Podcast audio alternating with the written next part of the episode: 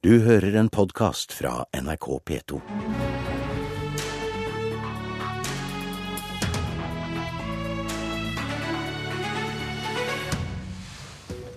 Asylbarna er ikke Erna Solberg sitt største problem i påsken, mener min første gjest. Det har dukket opp noe annet, en gammel kjenning.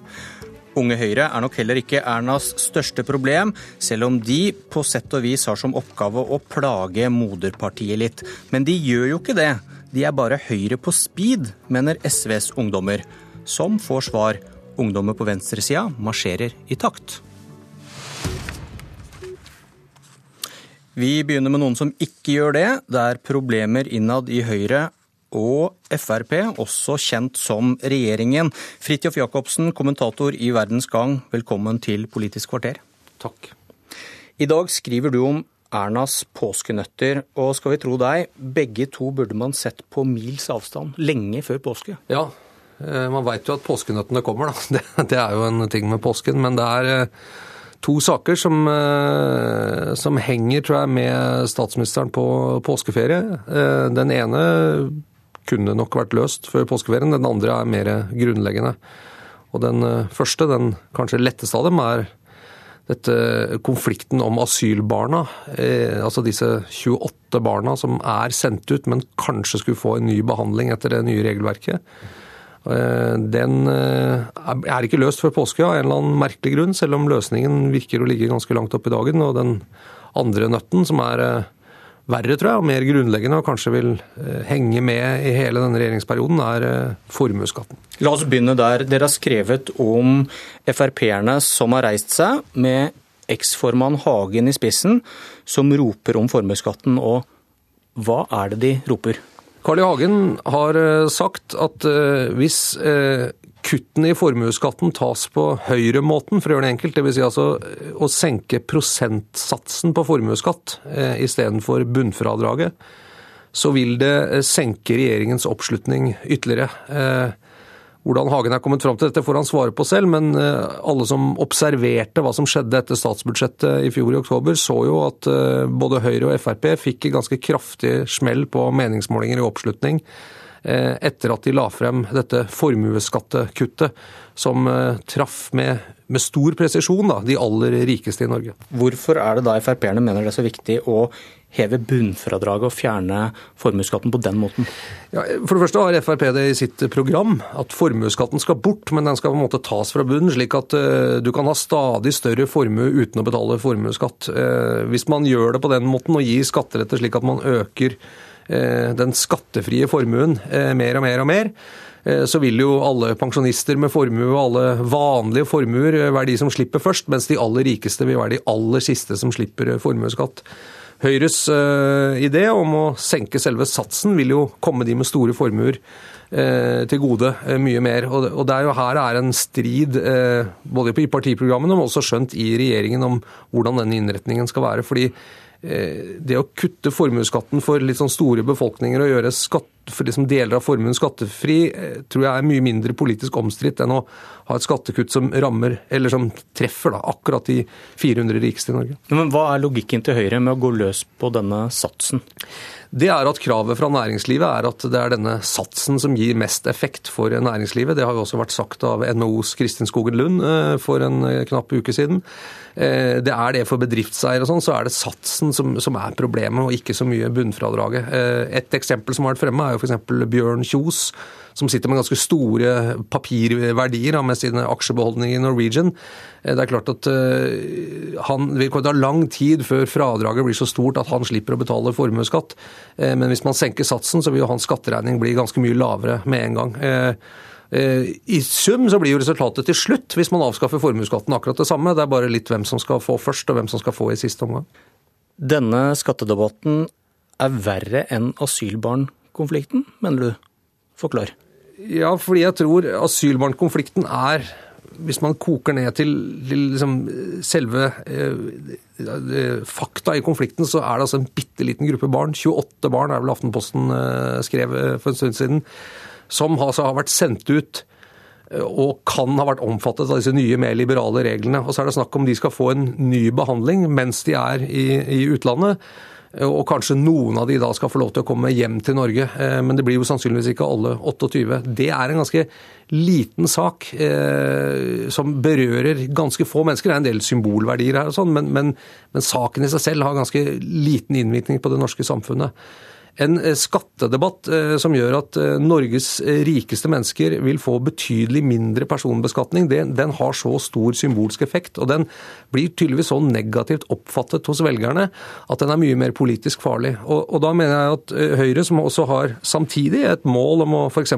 kutte trygd og sosialytelser slik at det alltid skal lønne seg å jobbe, kanskje gjøre en ganske nødvendig reform av velferdsstaten, de, de, de, de kuttene blir veldig vanskelig å ta hvis man samtidig gir skattelette til de aller rikeste blir nesten politisk umulig. Komboen av å kutte hos de som har lite og gi til de som har mye, den, den, går rett og slett ikke hjem hos eh, norske velgere. Og Da er jeg litt forundret over at Høyre eh, virker så monomant opptatt av denne satsen, når de ser hvilket politisk handlingsrom de da mister på, på utgiftssiden i statsbudsjettet ved å, ved å gi dette skattelette. Men, men, de tror altså nærmest, det tror jeg virker til tider nesten litt eh, nesten religiøst, så tror de altså at dette vil ha så positive effekter for næringslivet at de, de mener de er nødt til å gjøre det selv om det er upopulært. Men jeg tror det går en grense for hvor upopulære ting du kan gjøre før du mister så mye oppslutning at du egentlig ikke får gjort noen ting lenger. Hvis vi til slutt skal se på løsningen på påskenøttene.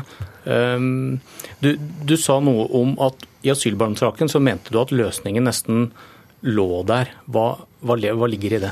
Ja, det er jo en ting som ikke går opp helt i denne asylbarnsaken. og det er at KrF har stilt et ultimatum om at hvis ikke denne gruppen barn får en ny behandling, så vil de bryte samarbeidsavtalen og gå ut av dette forpliktende samarbeidet med regjeringen. Eh, så har Justisdepartementet for eh, fredag for eh, nå nesten to uker siden lagt ut en pressemelding der det står svart på hvitt at også barn som er sendt ut skal kunne omfattes av de nye reglene og den nye behandlingen. Dette er senere blitt forsøkt avkreftet av statssekretæren i Justisdepartementet, men, men den meldingen ligger nå ute fortsatt som et offisielt dokument på Justisdepartementets hjemmesider.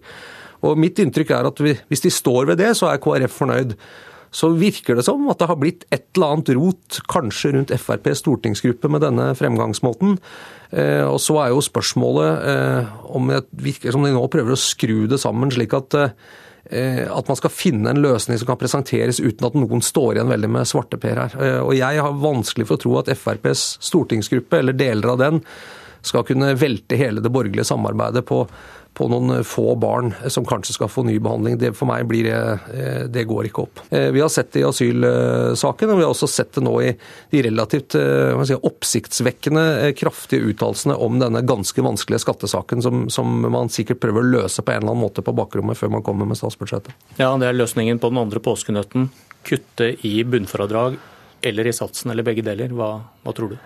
Ja, Høyre har jo sagt at satsen skal ned, eh, men hva det blir til slutt, det vet jeg ikke. Dette er jo eh, i bunn og grunn en ganske avgjørende politisk vurdering som Erna Solberg og Siv Jensen må gjøre. Det er Ernas nøtter, ikke dine? Nei, mine nøtter er eh, ikke så store som Ernas, heldigvis, eller kanskje dessverre.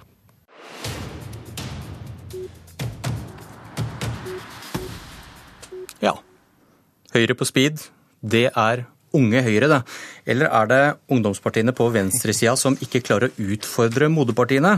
I påsken kan du følge med på NRK Ytring, der ungdomspartiene utfordrer sine partier.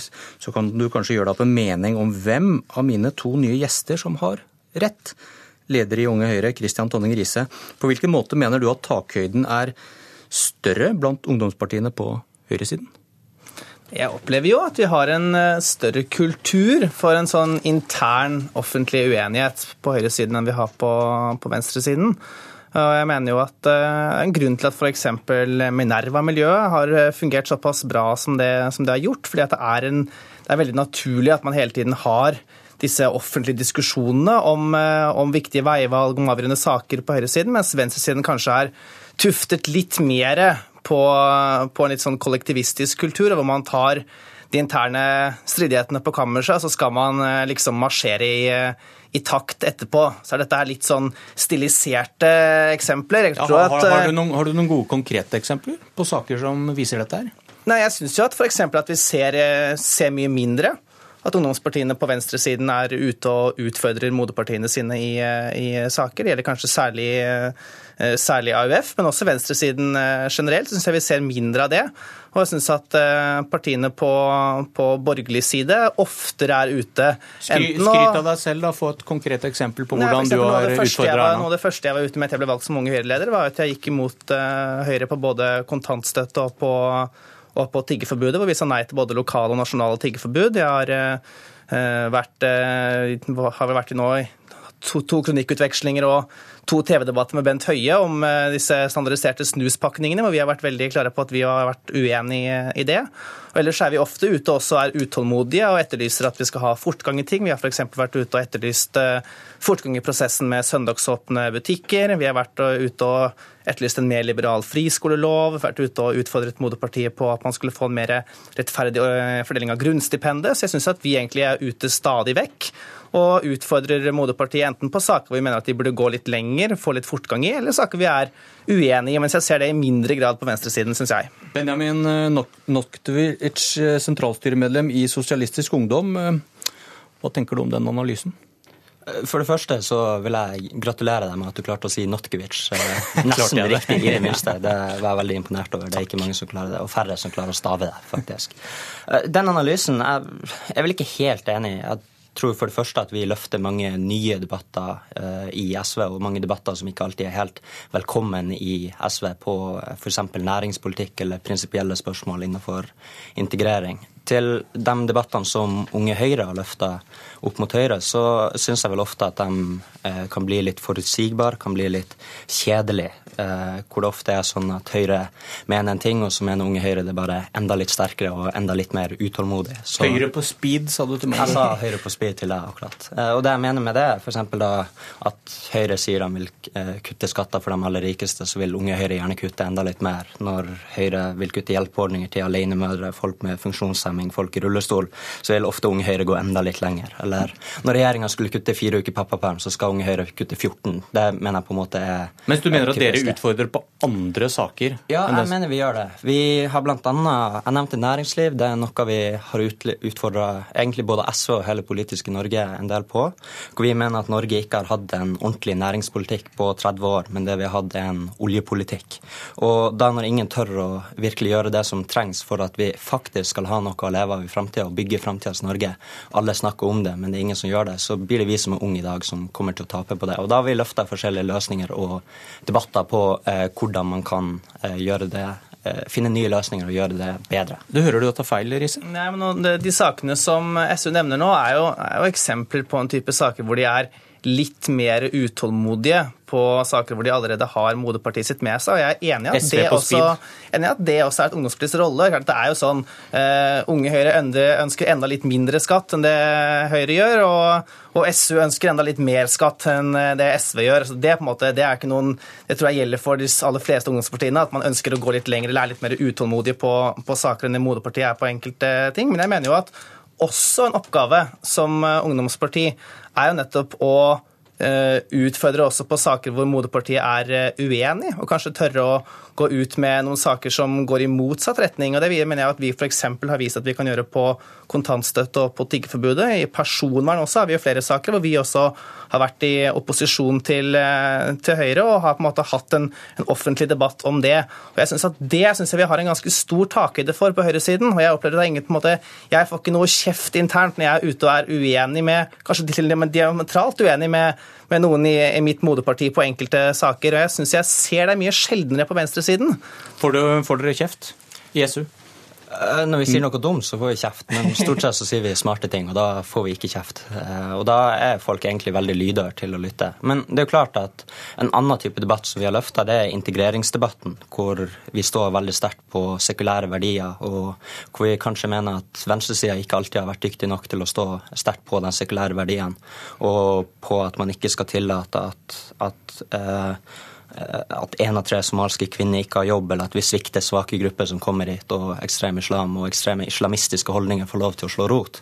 Og da er et forslag som vi har løfta, at, at vi skal stille sterkere krav til at folk må lære seg norsk og også forbedre den norskundervisninga, eller eh, forby omskjæring av unge gutter, er et annet forslag som vi har kommet med.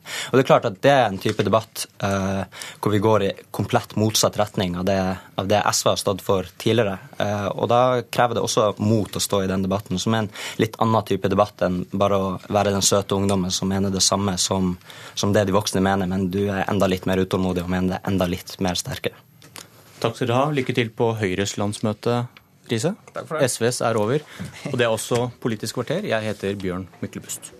Du har hørt en podkast fra NRK P2.